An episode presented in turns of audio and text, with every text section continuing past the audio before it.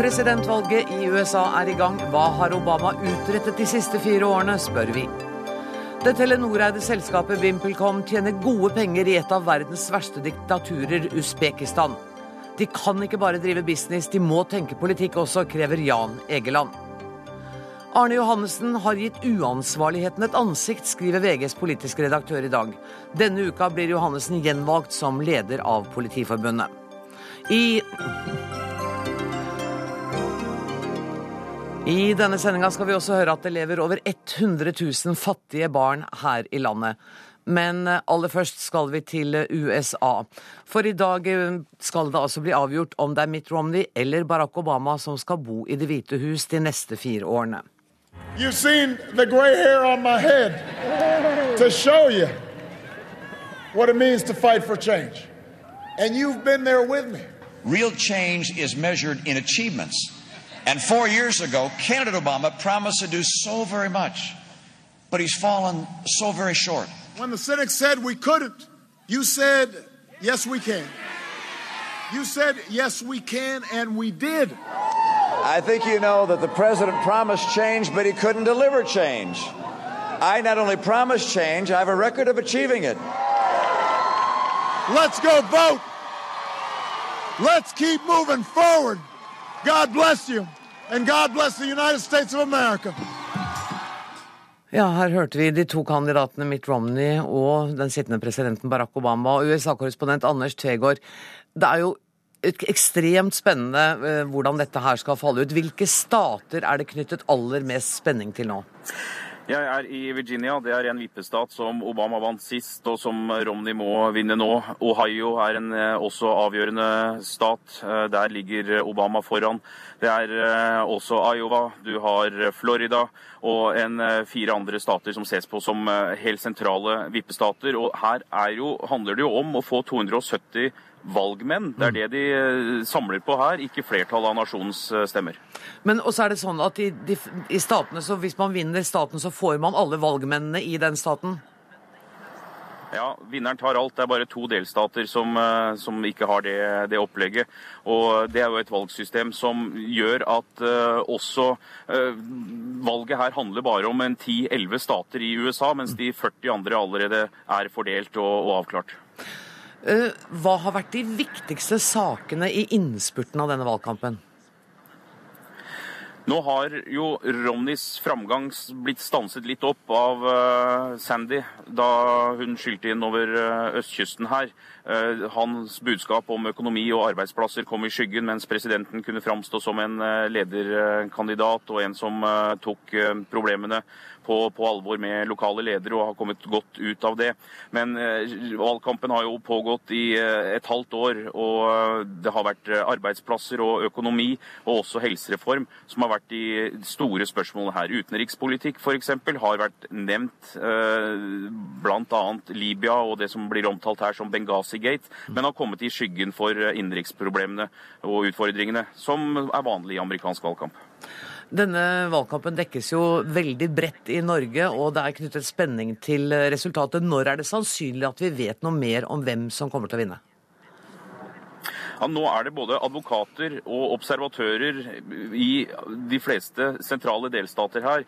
Og dersom de eh, ikke begynner å krangle på, på resultatet, så er det ventet at man kan eh, få en eh, avgjørelse rundt 11.23 amerikansk tid, dvs. Si fem norsk tid på, på, morgenen. Eh, alt her handler om hvilken av kandidatene som klarer å få flest av velgerne sine til å møte opp i dag.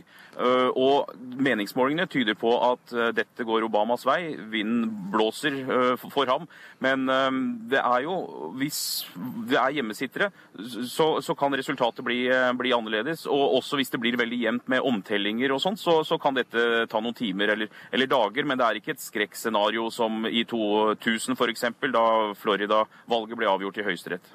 Tusen takk for at du var med i Dagsnytt 18, eh, USA-korrespondent eh, Anders Tvegård. Eh, Gro Holm, utenrikskommentator her i NRK. Vi får prøve å holde oss våkne til klokka fem-seks i morgen tidlig, da. Må vel det. For det er så spennende. Ja, det er veldig spennende. Det er det. Men hvem tror du kommer til å vinne?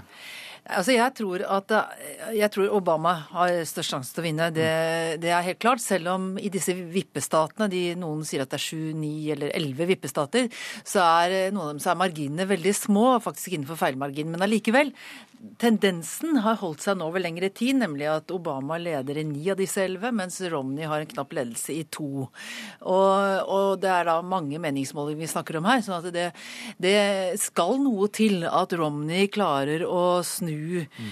stemningen i, i, så mange stater. Og, og, dessuten så ligger altså Obama mye bedre an i utgangspunktet. Han har mange flere sikre valgmannsstemmer enn det Romney har. Så Romney har flere han skal ta igjen i vippestaten. Og Romney har vel til og med antydet muligheten for at han ikke kommer til å vinne? Altså at Romney selv ikke klarer dette her? Ja, det har vært litt sånn eh, Altså, eh, ikke de siste dagene. Han har vært veldig tvert imot veldig optimistisk og mm. sier at dette tror han går hans vei. Men det at han reiste til Pennsylvania og har jo nå i dag, sånn i siste liten, når han egentlig hadde sagt han skulle avslutte i går kveld, det blir sett på som et litt sånn panikkartet utspill. At han, eh, han er litt engstelig for at han, hvis han taper Ohio eller taper Virginia, som er jo, som Anders Tvego var inne på, en veldig viktig stat, så Kanskje kan han klare det hvis han får Pennsylvania, eh, men der leder jo Obama ifølge meningsmålene med rundt 4% så det er ganske urealistisk. Hvor viktig er Florida her? Ja, Florida er jo den største med 29 valgmenn. Eh, der leder han med rundt ja, halvannen prosent, sier et snitt av meningsmålingene. Eh, og det er klart at det, det, er en eh, viktig stat, også fordi at det har mange eh, av spansk avstamning. Ikke bare cubansk, men også andre latinostemmer. Latinostemmene, med unntak av de cubanske, går stort sett til Obama. Men altså de cubanske, der har de er jo da Mange av dem er republikanere. Så der er det jo veldig usikkert. Men Florida alene avgjør ikke dette.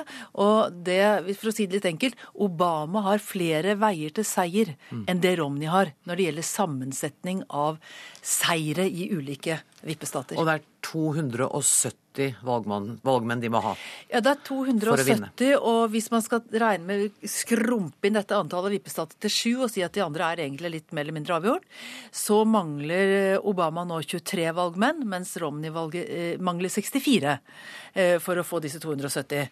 Så da kan du si at eh, Obama ligger best an.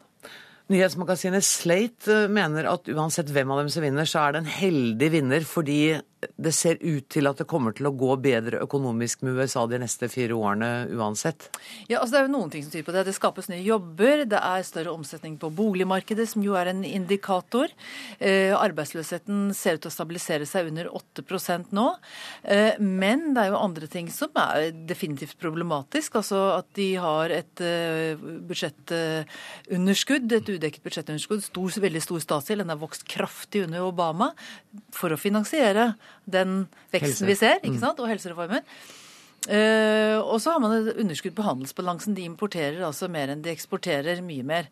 Uh, og det, det, bidrar jo til underskuddet. Så, så, det er noen store utfordringer. Og hvis det går slik som mye tyder på nå, at man får fortsatt et, et republikanskdominert Representantenes hus og et demokratisk senat, så får man denne splittelsen som en har hatt, og som gjort, gjort det så fryktelig vanskelig å få vedtatt ting. Og som gjør det mer tidkrevende alt sammen også, gjør det ikke det? Veldig tidkrevende. Da kan for så vidt Obama svare med å innføre liksom et, et, mer presidentstyrt system og gjennomføre ting uten å konsultere eh, Kongressen i så stor grad som han nok skulle ønske å gjøre.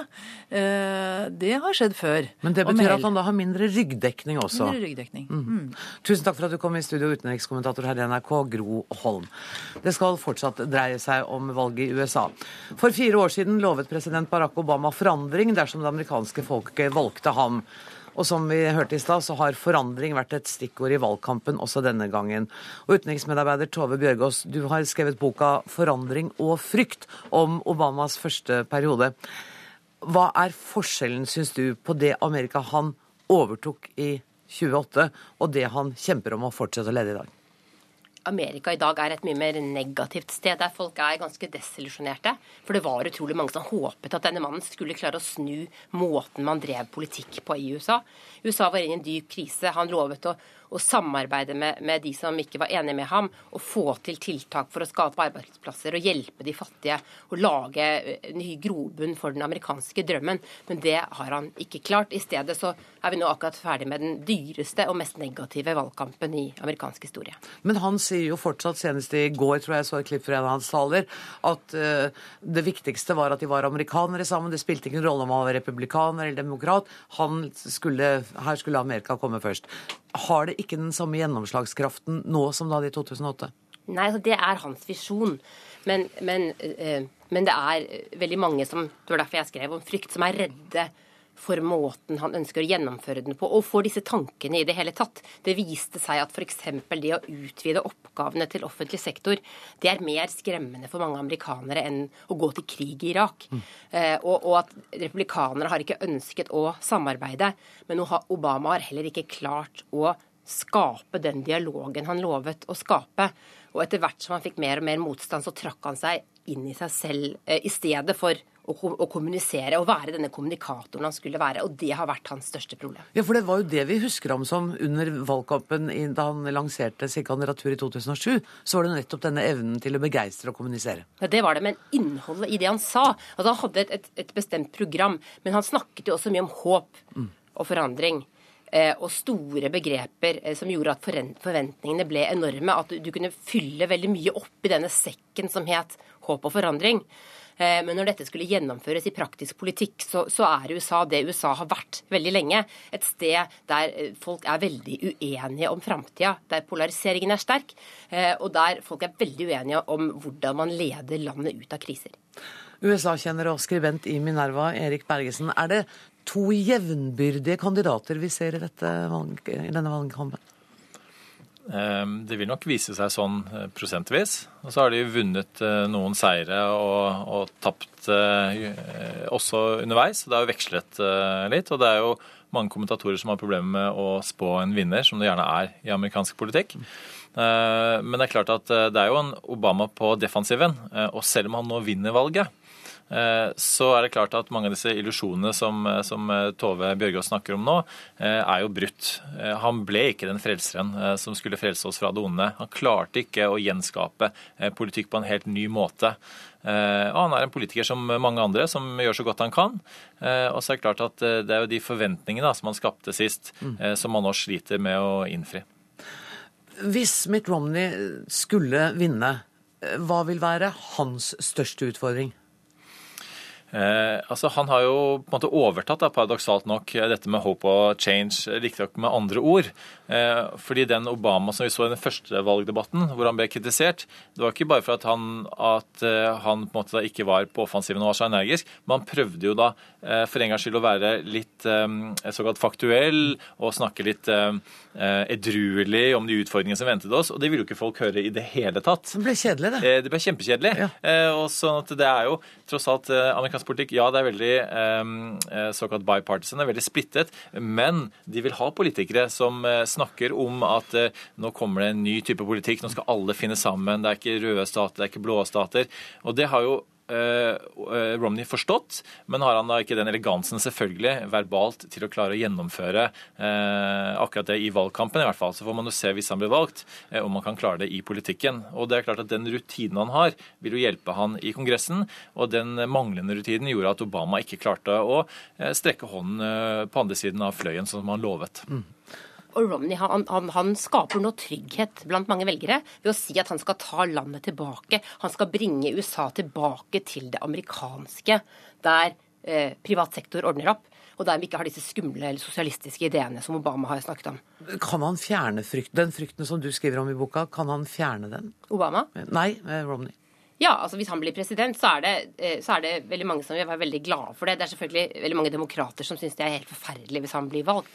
Landet er like polarisert. Mm. Eh, men de er vant til eh, presidenter som, som, sier det Romney sier.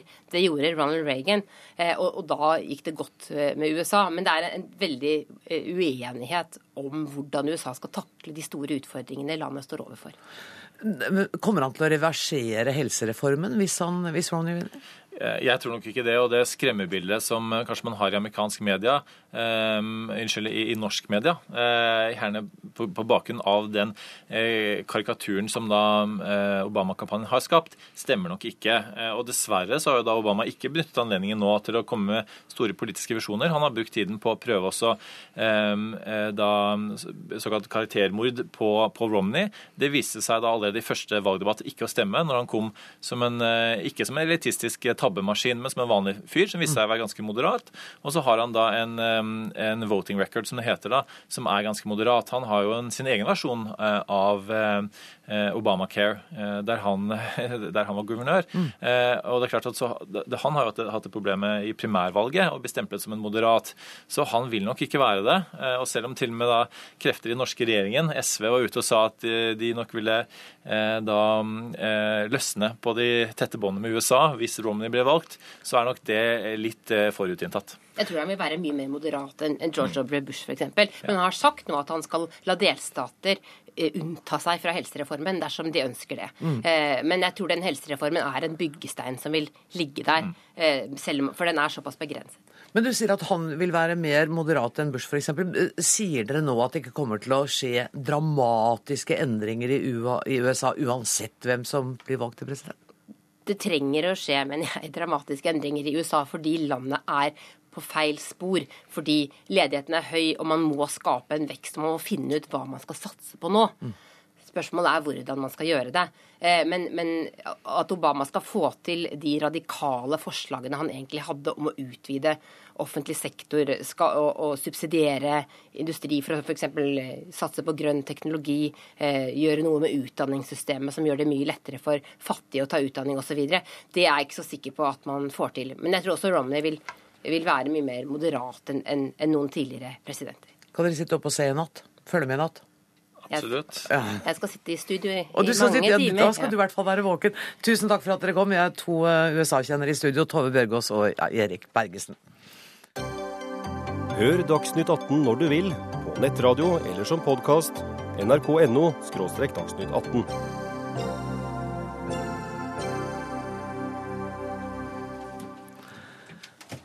Telenor er via teleselskapet VimpelCom, som de eier 40% av, tungt inne i et av verdens verste diktaturer, Usbekistan.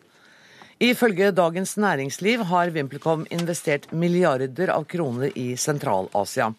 Jan Egeland, du er europadirektør for menneskerettighetsorganisasjonen Human Rights Watch. Det er få samfunn i verden som er mer gjennomautoritære enn Usbekistan, har du sagt. Hva mener du med det?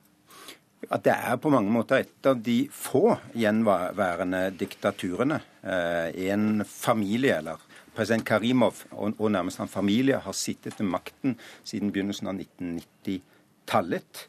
De kontrollerer alle samfunnsmakter. Eh, de beriker seg på dette, og aller verst sett med våre øyne. Fengslene er fulle av folk som har eh, pga. sine ytringer fått harde dommer, og som tillegg blir eh, torturert når de kommer i fengsel. Usbekistan er et av de verste i Sentral-Asia, men hele regionen er på mange måter en museum for mange av de verste taktene under sovjettiden. Og det er også et korrupt system? Gjennomkorrupte, gjennomkorrupte sted. Altså, det er jo noen som, som bruker uttrykket kleptokratier, altså, hvor man plutselig ser at disse familiemedlemmene og, onklene og tantene og, og slektningene og vennene plutselig blir multimillionærer. Eh, så dette er, dette er regimer som burde være for lengst på historiens skapelse. Og det, du ser ingen tegn til at det er en demokratiseringsprosess eller noe demokrati uh, i ferd med å skje her? Altså, det vi ser er jo at, at den typen regimer de, de, de, faller. De vil falle. Der kommer en vår også der. Eh, altså En av grunnene til at det er, ikke har skjedd, er at det har vært lite internasjonal oppmerksomhet. Det har vært, det, det har, eh, Vindene har ikke nådd der, slik de gjorde det i Øst-Europa, i Latin-Amerika og nå den arabiske regionen. VimpelCom, som er altså delvis eid av Telenor med 40% har investert milliarder av kroner i Sentral-Asia, som jeg sa. Burde VimpelCom holde seg unna land som uh, Usbekistan? Eh, altså VimpelCom og, og, og, for den del Telenor, som investerer gjennom VimpelCom, eh, ber vi ikke om å boikotte noen land. Um, altså Faktisk vil jeg heller si det omvendt. Altså, Vi er for at gode selskaper skal engasjere seg i dårlige land. Uh, det ville være ille hvis det bare var usbekiske familieselskaper med russiske og kinesiske partnere. Det ville være verre. Men det er jo ingen tvil om at man må være klar over hvor man går inn, og man kan ikke, må ikke være tause vitner til omfattende menneskerettighetsbrudd i 2012. Jon Fredrik Baksås, konsernsjef i Telenor, hjertelig velkommen. Du hører hva Egeland sier. Du kan ikke sitte som eh, styremedlem i, eh, i dette selskapet og med 40% av aksjene og være taus vitner til det som skjer. Nei, og hvem sier at vi har vært tause? Forklar det. Ja, um, altså, Mobilkommunikasjon har jo en ufattelig stor forandringskraft. Eh, det har vi sett i vårt samfunn på en moderne måte, og vi ser det nå i eh, de fleste, eh, eller de aller fleste land. Der har også Telenors interesse for Burma, om det skulle bli en mulighet. Og denne forandringskraften det er jo at den virker demokratiserende i det lange løpet. Og den gir innsyn i informasjon og transparens i en rekke forhold. Ikke alle på en gang, men en rekke forhold. Eh, og så er det også en annen side ved det, og det er jo at eh, kommunikasjon har alltid også vært i myndigheters interesse hva gjelder overvåkning. Eh, og det er jo den dimensjonen av denne store spredningen, det er 6,5 milliard mennesker med tilgang til mobilkommunikasjon i dag, som jo også må finne en balansegang på det siste. Mm. Men, men, la oss holde oss til uh, Usbekistan. Ja. Uh, ser du noen måte hvor myndighetene prøver å påvirke dere gjennom, det, gjennom VimpelCom? Uh, myndighetene i Usbekistan, ja. eller? Ja, det er det vi snakker om. Altså, det ser jo ikke eh, Telenor. Altså, det vil jo være viden kjent at det ikke nødvendigvis har vært enighet mellom oss og den russiske hovedaksjonæren i ett og alt opp gjennom årene. Men sitter ikke du men, i styret? Jo, men det, i et styre så er man langt fra enighet til enhver tid. Slik at konflikten har jo vært mange. Og det illustrerer jo også at diskusjonene har vært mange. Eh, og Da kan det godt hende at vi eh, gjennom eh, styrebehandling opp gjennom årene også har sagt nei til ting. Men det er ikke min jobb å kommentere det indre arbeid i det styret jeg sitter i. Det er det andres jobb å gjøre. Men jeg kan ta stilling til Telenors aktivitet. Og der har vi sagt fra, både ved den ene og den andre og den tredje anledningen, inklusiv også denne. Mm. Men, men jeg, kan du ikke allikevel snakke om noen av de dilemmaene? For nå må jeg igjen sitere Dagens Næringsliv, så har altså VimpelCom forpliktet seg til å hjelpe myndighetene i Usbekistan med avlytting og sikkerhetstjenester. La oss et øyeblikk snakke rent hypotetisk. Synes du at det er riktig at et teleselskap inngår denne type avtaler med autoritære regimer? Ja, nå kan ikke jeg gå god for den type avtale som du beskriver, og som vi har en påstand på. Hvis den hadde eksistert noe sted, rent hypotetisk? Ethvert mobiloperasjon, enhver mobiloperasjon i ethvert land vil forholde seg til det landets uh, lover og regler. Og Det er en årsak til at Telenor eh, f.eks. ikke er i enkelte land. Nettopp av sånne årsaker som det du nå trekker opp. Så for eksempel, hvilke land da? Ja, nå snakker jeg om Telenors egne land. Ja, vil... eh, det, det er, en årsak til at vi ikke er i Iran, f.eks. Eh, og det er en årsak til at vi ikke er i Sør-Afrika. Altså eh, vi har vært innom mange prosjekter som vi også har sagt nei til av forskjellige årsaker. Uh, det, men jeg kan ikke gå inn på Nei, hvordan VimpelCom på sin tid, i et uh, selskap som vi eier 40% i, gjør det i, i, detalj. For det tillegger VimpelCom-selskapet å kommentere på. Men jeg kan kommentere på oss i styret som eierens representant. Og da tar vi opp det prinsipielle rundt denne type ting. For det gjennomslag? Ja, det vil jeg si. Det er en årsak til at f.eks. Nord-Korea ikke var med på den store fusjonsstilen i fjor. Mm. Men i Usbekistan? Uh, det, uh, Usbekistan jo, uh, ligger, ligger, jo innenfor det jeg vil si er the backyard of eller bakgården til eh, VimpelCom, i og med at VimpelCom har sitt eh, opp, eh, utspring i Russland. Og for dem er det helt naturlig å se på den type land som virksomhet.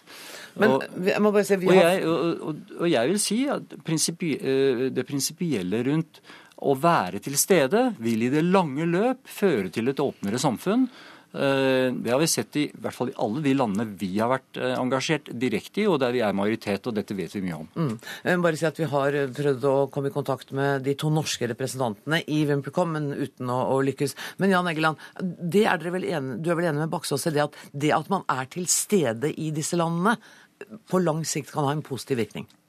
Eh, Ja, hvis man gjør det rette, eh, er en positiv kraft for forhandling, for demokrati, for ytringsfrihet osv. Altså det, igjen, er man et taust vitne, så er man ikke en forandring, eh, eh, forandringskraft. Er man med på å spørre spørsmål, eh, eh, eh, rette krav osv., så, videre, så kan man absolutt være det. Men det interessante er jo nå at eh, Altså at eh, Et helt annet selskap, Telia Sonera, er jo oppe i en heidundrende skandale i Usbekistan, som vel først og fremst er korrupsjon. Men der var dere Hadde vi altså vitner, eh, eh, personer som kom til oss fra Ucell, som var deres eide selskap der, som sa at eh, de, de hadde fått beskjed om å overvåke avlytte politiske opposisjonelle. Og i Kasakhstan så vet vi jo at i den rettssaken som var mot de streikende oljearbeiderne, etter at mange oljearbeidere ble skutt og drept under en konfrontasjon mellom streikende arbeidere og myndighetene, så ble det brukt ulovlige opptak fra deres eh, telefonsamtaler i rettssalen. Så, også, så, så man kan Jeg er enig med Vaksås. Eh, Mobiltelefonen er en forandringskraft for demokrati. Vi så det i Egypt og den demokratiske våren. Men det er også en, kontroll, en, en kontrolltiltak, og det må man bare ikke være med på. Men eh, det, Du hadde snakket med en kollega av meg, eller noen hos deg tidligere i dag om eh, hvordan SMS-er f.eks. kan brukes ved å varsle at myndighetene bruker det til å varsle uvær eller store naturkatastrofer. Eh, men det har jo vært situasjoner hvor dere har sagt at nei, vi vil ikke la oss bruke til å varsle dette. Ikke, Ikke- nei, ikke- Vi, vi sier ikke nei til Nei, og men, Nei, men og det har vært situasjoner dere har sagt nei til. Altså, Jeg kan ikke huske at myndigheter har kommet direkte til oss med det, men jeg har fått foreslått fra myndigheter at eh, de gjerne vil. Ja. Og det har jeg selv okay. vært med og sagt nei til. eh, Direkte over bordet. Hva slags forespørsel Jeg var har Ja, forespørsel om eh, tilgang til informasjonsstrømmene som går inn i, i, eh, nett, i telesystemene. Ved to anledninger har jeg direkte sagt nei til det. Det kan ikke vi være med på. Mm. Hvordan blir det mottatt? Ja, så I de to tilfellene så er det mottatt greit, for det har ikke skjedd noe eh, etter det. Og dere har ikke møtt noen sanksjoner i etterkant av det? Nei, Det vil jeg ikke si. Men til, til det du stilte spørsmål om, så eh, finnes det jo eksempler i eh, særlig i Egypt under den eh, eh, arabiske våren. Der gikk jo det gamle regimet ut og ville ha teleselskapene til å sende en bestemt eh, støttende SMS til det sittende regimet. Mm. Og det var det en aktør som gjorde, så var det en annen aktør som ikke gjorde det. Og det selskapet som ikke gjorde det, det selskapet finner du eh, under eh, han egypteren som tok med seg hele sitt eh, imperie inn i VimpelCom. Men akkurat den eh, egyptiske operasjonen var ikke del av den eh, fusjonsstilen, akkurat som eh, Nord-Korea heller ikke var del.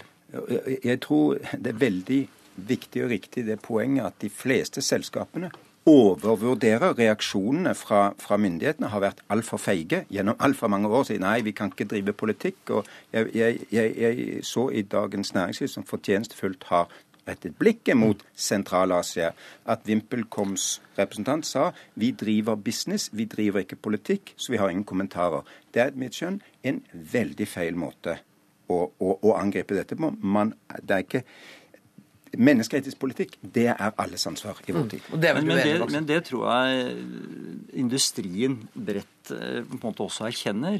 At eh, industrien etter hvert som den gjennom disse siste 15 årene er vokst fra null til den store industrien på global eh, basis den er, så blir det også rettet helt andre forventninger. Bl.a. også dette. Det har vi jo selv også fått vært igjennom i en runde i Bangladesh på mm. tidligere. Eh, og eh, jeg sitter som formann i det som heter Public Policy Committee innenfor eh, GSMA, som er altså alle mobiloperatørers eh, globale industriforening. Eh, Og Der har vi også adressert dette spørsmålet senest i møtet i Rio eh, nå ganske nylig. Slik at dette temaet her, det er på banen, og det er i modning. Ja, men Det er bra, og da håper vi å stole på at Jon Fredrik Bakkfoss er i hvert fall ikke noen taus tilskuer til eh, det som skjer av, eh, uhyrligheter f.eks. i Usbekistan. Det jeg må si Tusen takk for at dere kom, Jon Fredrik Bakkfoss, konsernsjef i Telenor, og Jan Egeland, som representerer Human Rights Watch.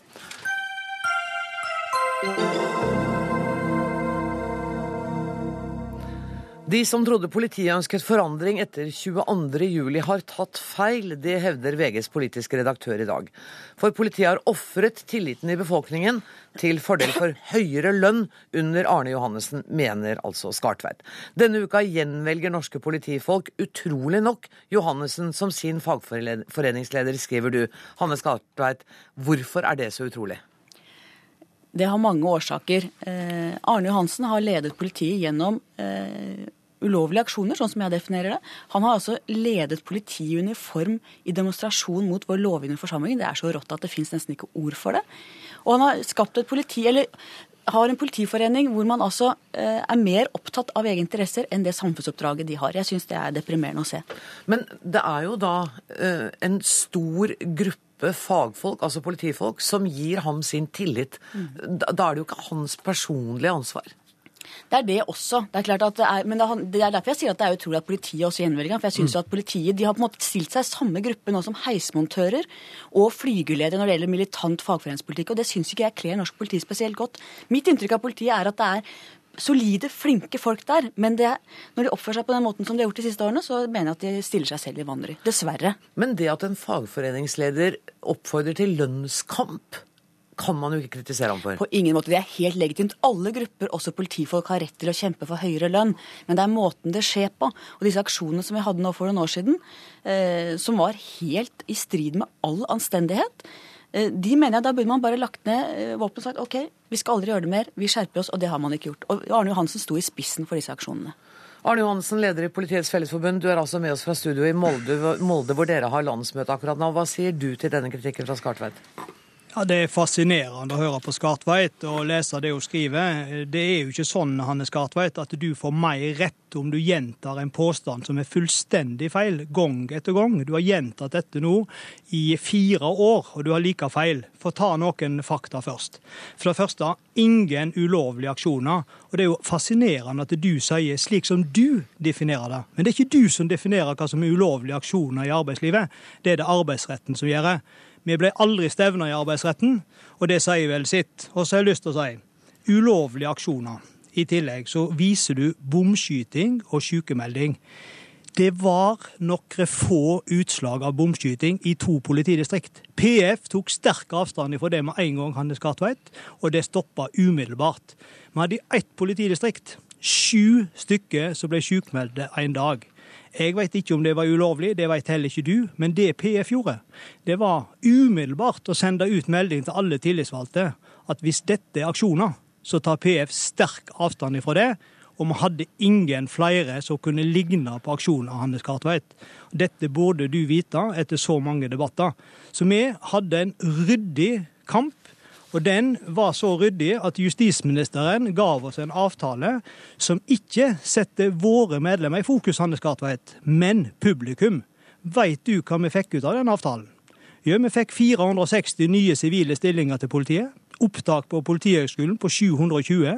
Store unntak i arbeidsmiljølova som gir mer fleksibilitet.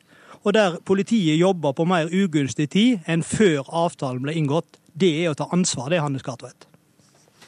Vil du svare, Skartveit? Ja. Eh, for det første, ja, justisministeren ga etter, og det mener jeg var Han har et stort ansvar her. Han ga etter og lot den type aksjoner lønne seg.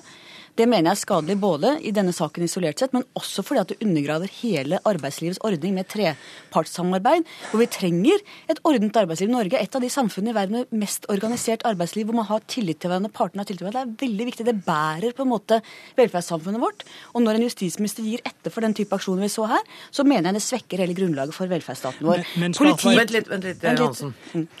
Politidirektoratet følte seg veldig alene i striden med Politiets Fellesforbund, nettopp fordi at justisministeren var så svak i møte med, eh, med de fagorganiserte. Det var instruktører som meldte forfall til Politihøgskolen. Det er riktig at dette aldri ble kjent som ulovlige aksjoner, men det var helt utilbørlige aksjoner. og Det tror jeg alle er enige om, også oppe i Justisdepartementet, selv om det aldri ble noen arbeidssak av dette. Arne Hansen, det er jo også, Hanne Skartveit er, jo- er jo ikke den eneste som har kommet med kritiske synspunkter på din ledelse av forbundet. Det er du vel klar over? Ja, jeg ser at det er debatter. Det er jo selvsagt interessant, det. Og jeg, eh, selvsagt, jeg er fagforeningsleder, og jeg kjemper for mine medlemmer sine rettigheter. Og det skulle bare mangle, som òg Skartveit erkjente. Det er faktisk jobben, det, for en tillitsvalgt. Men det er altså sånn at det er jo en grunn til at Knut Storberget som justisminister gikk inn en avtale med oss. Og Det var den situasjonen norsk politi sto i i 2009. Vi hadde en veldig dårlig politidekning. Og da tok vi i fellesskap ansvar og skapte en situasjon med mer politikraft, som justisministeren solgte inn i juli 2009. Og det var å ta ansvar, det. Og som sagt, ingen ulovlige aksjoner. Jeg vil tro at hvis regjeringa mente at vi drev med noe ulovlig, Hanne Skartveit, da hadde de stevnet oss for arbeidsretten, på samme måten som Spekter nå har stevna flygeleierne for arbeidsretten. For det er ikke akseptert i norsk arbeidsliv å drive med ulovlige aksjoner. Ingen stevner oss, og derfor syns jeg du skal slutte å skrive usannheter gang etter gang, for det blir ikke riktigere for hver gang du skriver det. Arne Johansen, ditt, deres landsmøte under din ledelse vedtok i 2007 at dere var villige til å ofre noe av tilliten politiet har i vårt samfunn, for lønnskampen. Det er altså utrolig at dere, dere har voldsmonopol. Dere er, vi stoler på politiet at de skal hjelpe oss. Det er noe av det vi er mest avhengig i samfunnet vårt av å stole på, er politiet. Og så vedtar dere altså på landsmøtet deres i 2007 å ofre noe av den tilliten. Det syns jeg forteller mye i denne sammenhengen. Når det gjelder denne avtalen du refererer til, når det gjelder denne avtalen Ja. du refererer til, Johansen, så er det mange som nå mener at den har ikke gitt den politikraften det var meningen at den skulle. Den har bare gitt mer lønn. Derfor er det ikke alle som ønsker å fornye den avtalen. Og når det gjelder eh, justisministeren, så har jeg kritisert han i veldig sterke ordelag for å ha vært for ettergivende. Jeg har annet skrevet om det jeg kaller den uheldige, farlige trekanten i norsk politi mellom Ingelin Kilgren, som var altfor lojal i sin posisjon, eh, Knut Storberget, som var altfor eh, feig, rett og slett. Og du som leder for Politiets Fellesforbund, som var altfor grenseløs. Og det er en veldig uheldig trekant som jeg mener har skadet norsk politi dramatisk de siste årene. Ja, da Jeg har lest den artikkelen òg, men det blir litt det samme. For du har altså fått heng på en virkelighetsoppfatning som ikke stemmer med det som er realitet. Og når du refererer til vårt vedtak, du veit ikke hva som ligger i det vedtaket, hva som er vår tolkning. Og det jeg kan si til deg, det eneste vi gjorde som forbund, det var at vi hadde en diskusjon på hva blir situasjonen hvis alle politifolk i Norge følger norsk lov, arbeidsmiljøloven, i mye større grad enn det vi gjorde før. Nemlig å selge fritida vår eh, sånn til de grader. Og det eh, fikk konsekvens med at eh, det ble mindre folk som jobba overtid. Det var ikke ulovlig. Det er ikke ulovlig Hannes Gartveit, å følge arbeidsmiljøloven sine regler. Og Det var det eneste som lå i det vedtaket vårt. Og når du angriper og når du angriper Knut Storberget, så er det altså sånn at vi fikk synlig resultat av den avtalen. Kanskje du burde stilt spørsmålet på en annen måte. Hva hadde situasjonen vært i norsk politi uten at vi inngikk den avtalen i 2009? Det hadde vært katastrofe. Mm. Vi kommer ikke videre der, men, for den nærmer seg veldig slutten. Men nå er dere altså på landsmøtet. Er det noen motkandidat til deg, eller regner du med å bli valgt ved akklamasjon, eh, Johansen? Jeg regner ikke med noe, men jeg er innstilt som nummer én av valgkomiteen, og det er eneste kandidat. Og det jeg kan si, det er at når denne saken med Hanne Skartveit ble kjent i landsmøtesalen i dag, så fikk jeg altså stående applaus eh, for eh, min måte å leie dette på. Og det handler om at jeg følger opp de vedtak og strategier som eh, Politiets Fellesforbund vedtar. Det er ikke Arne Johannessen som finner på å eh, ha en tøff lønnskamp. Det er et landsmøtevedtak. Vi bruker de alle lovlige virkemidler og ingenting annet. Og så er vi opptatt av publikum, Hanne Kartveit. Ja, Vi vil ha et bedre politi. Da setter vi strek, og så ønsker vi dere et godt landsmøte. Takk til Arne Johannessen, leder av Politiets Fellesforbund, og takk til politisk redaktør i VG, Hanne Skartveit.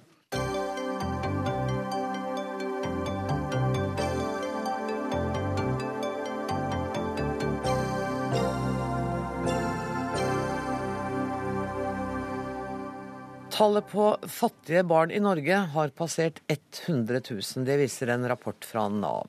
Fire av ti barn i hjem med vedvarende lav inntekt har innvandrerbakgrunn, mange av dem fra Irak, Afghanistan og Somalia.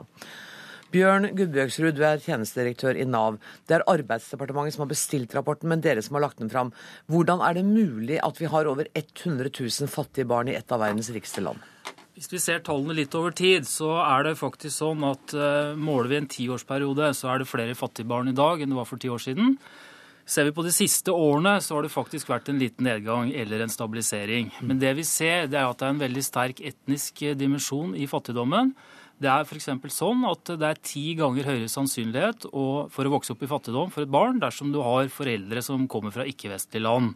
Det er et relativt nytt fenomen i Norge. Mm. Eh, og det er klart at eh, det viktigste tiltaket vi kanskje kan eh, bidra med overfor den gruppen, det er å få foreldrene deres i jobb. For man er jo ikke fattig barn hvis man ikke har fattige foreldre. Og det som er felles da for disse barna, er at de har foreldre som ikke er i arbeid. Spesielt så gjelder jo det innvandrerkvinner fra disse landene. Og det er en stor utfordring for oss å komme opp med gode nok tiltak for faktisk å få de over i varig arbeid. Mm, for det handler bl.a. om språkutdannelse? Det handler om språk, og det handler om kompetanse generelt. Og det er klart at Mange av disse eh, foreldrene mangler de kvalifikasjonene som skal til for å komme seg i arbeid. Eh, og de mangler språkkunnskapene for å mestre norsk arbeidsliv. Og du, Det er kanskje de viktigste virkemidlene for å gjøre noe med barnefattigdommen i Norge i dag. Eh, fattigdom er et litt abstrakt begrep. Hvor, hvor går grensen? for Når blir man kategorisert som fattig her i landet? Måten det er målt på i eh, denne rapporten, er EUs definisjon. Og der er det sånn at hvis du tjener i husholdningen under 60% av den inntekten som ligger i midten, og den er på 246 000 i Norge, hvis du eh, vokser opp i en husholdning som har en lavere inntekt enn det, så blir du da definert som eh, fattig barn. Eh, og det er jo som du sier, det er et relativt fenomen. så det er klart at Også denne gruppen har opplevd inntektsvekst de siste årene. Eh, men relativt sett så, de også, eh, så, ligger de også som fattige i Norge, eh, måten vi måler det på. Og Jeg leste også at forskjellene blir større.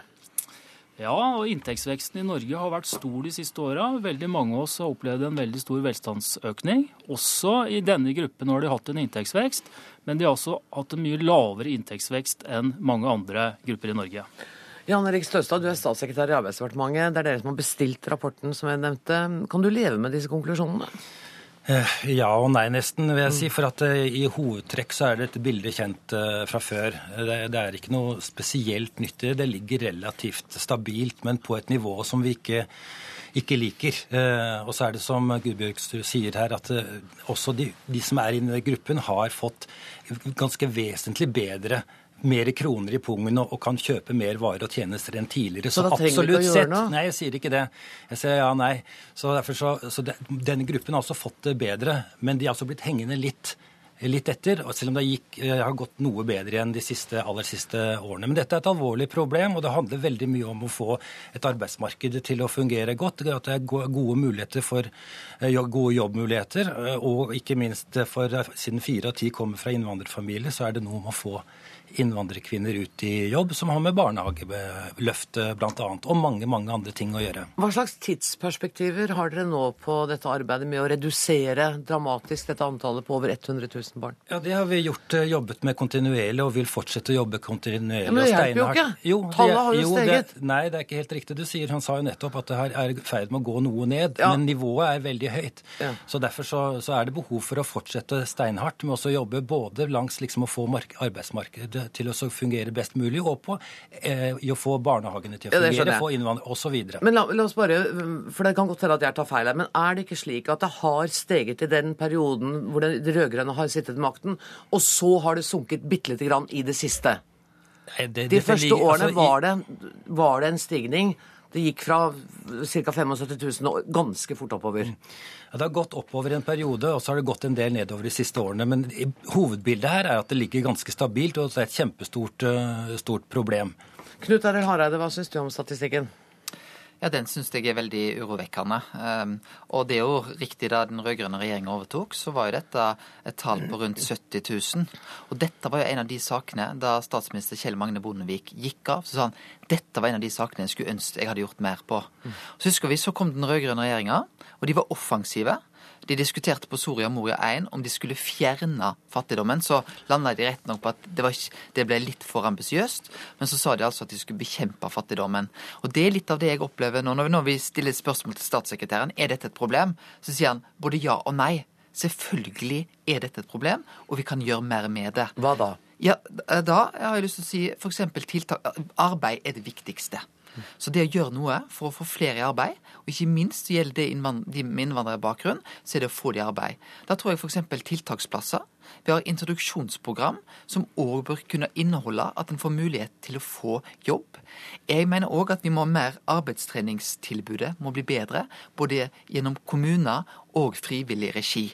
Men det er de som da på en måte ikke er innenfor arbeidet. Så mener jeg òg vi må ha konkrete tiltak som treffer disse familiene.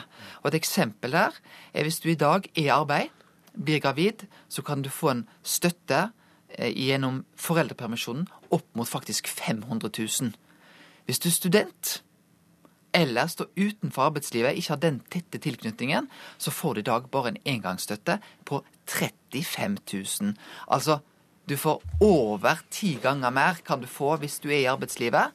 Og der er det blitt en veldig uforholdsmessig forskjell mm. på og en del av de finner vi da i denne gruppa her. Jeg mener òg sosialhjelpssatser. Eh, vi kommer i vårt alternative budsjett til å øke sosialhjelpssatsene med 5% Og vi mener òg at det å sette en minstestandard vil være veldig viktig. Det vet vi er en av de tiltakene som treffer aller, aller best for denne gruppa. Er du enig i dette, Stølstad? Altså, mange av disse tiltakene så er det jo brei enighet uh, om. Hvorfor er det ikke innført, da? Jo, det er jo innført en, en god del av dette her. Så det, det er slik at um, f.eks. dette med, med, gratis kjernetid i barnehagen er et veldig viktig tiltak for å få innvandrerkvinner i, i, i, jobb. Men det er jo åpenbart ikke nok. For nå hører vi fra Nav at noe av problemet er at disse kvinnene, mange av disse innvandrerkvinnene, hvis jeg oppfatter det riktig, ikke har språkkunnskaper som gjør dem i stand til å altså gå arbeidslivet. Et nytt tiltak som kommer nå i statsbudsjettet 2013, er dette med Jobbsjanse, for, som er nettopp fokusert på innvandrerkvinner, og få dem i jobb, som er en del av den store integreringsmeldingen som er, nettopp er, er kommet. Så her er det en god del ting som det er enighet om, og så er det en, en vanskelig og tung, tung jobb å komme komme videre på dette feltet. Ja, Men det er jo nettopp uh, politikernes ansvar da, å ta for seg de tunge og vanskelige jobbene. Og jeg får litt, jeg mm. må si, jeg tenker, Det er litt abstrakt det dere snakker om. Det er langt fram. Disse, disse 100 000 ungene de er under 16 år. Ja. Det er abstrakt, men derfor er det viktig at vi har målsettinger på dette området her. Og det jeg opplever med regjeringa, de er fornøyd med det en har gjort.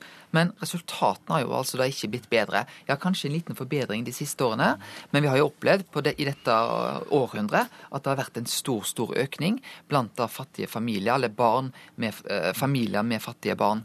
Og i den siste da f.eks. trontalen fra regjeringa, så blir altså da ikke denne problemstillingen nevnt i det hele tatt. Og, det er på en måte, så, og jeg mener at her må regjeringa Vi kommer til å ha tydelige ambisjoner på dette feltet her. Sette oss klare målsetninger om at disse tallene må reduseres betydelig. Så min utfordring til regjeringa er nå er det altså passert over 100 000 familier. Eh, med barn, barn. Målt på barn, denne måten, ja. ja målt på denne måten her. Er, er ikke det et mål at det tallet skal reduseres? Husk at denne regjeringa har hatt 400 millioner til disposisjon gjennom økte bevilgninger fra 2005 til 2012. Vi, vi, må vente litt nå, for vi må høre hva fagpersonen Gudbjørnrud fra Nav sier om dette. Ja, nei, Det som er litt deprimerende, er jo at det var ikke bedre for ti år siden. Eh, altså, Tallene har ligget relativt stabilt høyt. Det som er nytt, er at vi har fått en del nye grupper inn. Eh, og det mest markante trekket er jo at det er veldig mange med innvandringsbakgrunn. Du nevnte selv Irak, Afghanistan, Somalia og Det som er trekkene eh, ved disse gruppene, er at vi sliter med å få integrert de i arbeidsmarkedet. Mm. Så er det selvsagt sånn at eh, for en del grupper så kunne man jo hevet inntektssikringsordningene. Altså at man f.eks.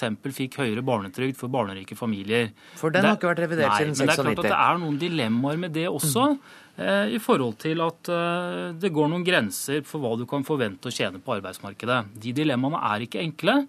Eh, og det er ikke så lett på en måte å, å, å peke på at du skal gjøre sånn eller slik. Fra et faglig ståsted så vil jeg nok si at eh, arbeid er veien ut av fattigdom for de aller, aller fleste. Mm. Og dermed så var det altså Bjørn Gudbjørgsrud som fikk siste ord i denne samtalen om uh, fattigdom. Tusen takk for at dere kom, Jan Erik Støstad og Knut Arild Hareide.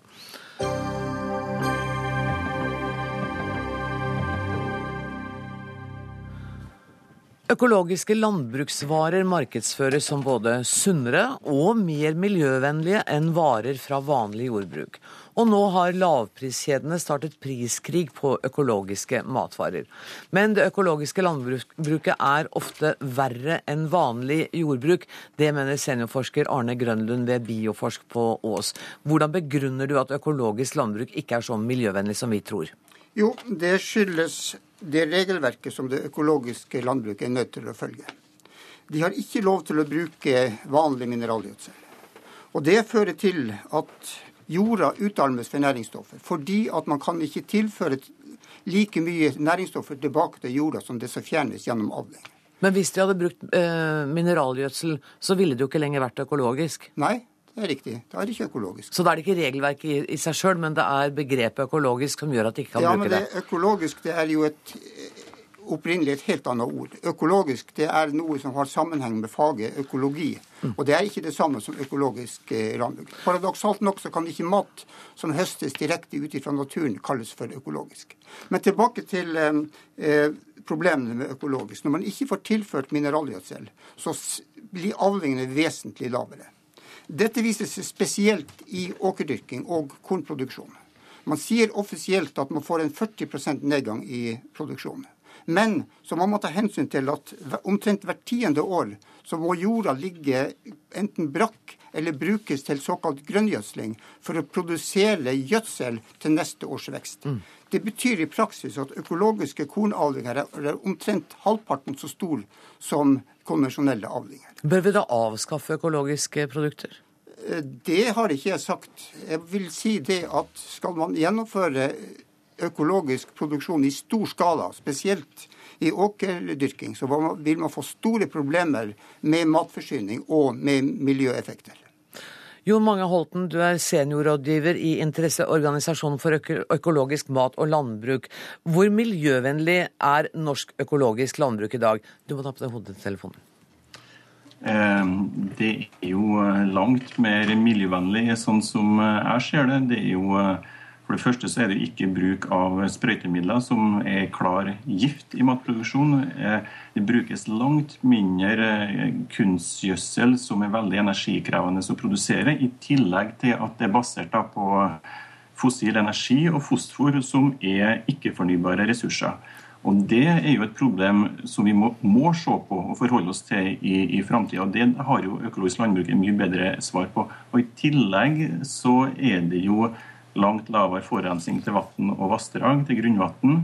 Det er mindre klimagassutslipp, det er høyere biologisk mangfold. Så kort sagt, det er bedre for miljøet. Men et av poengene til eh, forsker Arne Grønlund var jo her at volumet vil jo bli mindre. Ja, det stemmer at en trekker fram økologisk korn. Der er det lavere avlinger, det er klart. Eh, eh, men nå vil jo jeg på, og der kan det nok bli bedre. Det er en svakhet i økolandbruket. Men det betyr jo ikke at en skal kaste hele tankesettet på, på, på, båten. Men for det som er poenget nå i en global matsikkerhetssituasjon, det er at det er nok mat. Det er fordelinga som er problemet. og, og det vil ikke være mulig å, å, å, å fø eh, flere folk på den samme gamle måten med grønn revolusjonsteknologi. Grønlund, færre farlige utslipp både i, til vann og i luft. Er ikke det et viktig argument for den økologiske produksjonen? Nei, jeg vil kommentere disse påstandene til Holten. Disse sprøytemidlene hevder han uh, fører til uh, giftig mat. Dette er ikke tilfellet. Det er ikke påvist i de siste årene for høye grenseverdier av eh, sprøytemidler i, i, mat. Og de fleste giftstoffene i mat er naturlige giftstoffer. De fleste matskandalene de siste årene er knytta til økologisk mat. Han sier at energi, eh, økologisk er mindre energikrevende. Ja, per arealenhet. Men da tar han ikke hensyn til at det produseres langt mer energi slik at energibalansen blir mer gunstig for konvensjonelt. Det er ikke riktig at fos, eh, konvensjonelt landbruk er mer avhengig av fossilt eh, eh, brensel. Mm. Eh, man kan lage kunstgjødsel av biologisk eh, karbon, i, av biogass. Forurensning fra økologisk korndyrking er minst like stor som fra eh, konvensjonell. Og de fleste rapporter viser at klimagassutslipp er omtrent like stort per enhet produsert mat i økologisk og konvensjonell. Men da tar man ikke hensyn til at i økologisk så bruker man langt større areal.